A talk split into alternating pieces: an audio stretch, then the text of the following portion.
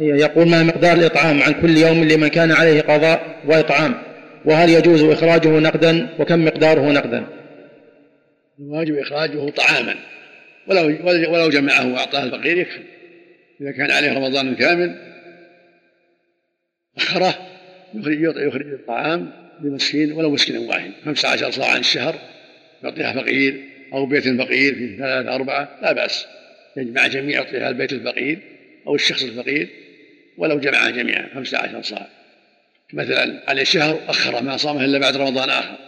فعليه قضاء وعليه إطعام خمسة عشر صاعا كل يوم نصف صاع. إذا أخر بغير عذر شرعي. شهر رمضان. وهكذا لو كان كبير السن عاجز ما يستطيع الصوم يطعم عن كل يوم نصف صاع. إذا جمعها جميع خمسة عشر صاع وأعطاها فقير في أول الشهر أو في وسط الشهر أو في آخر الشهر فلا بأس.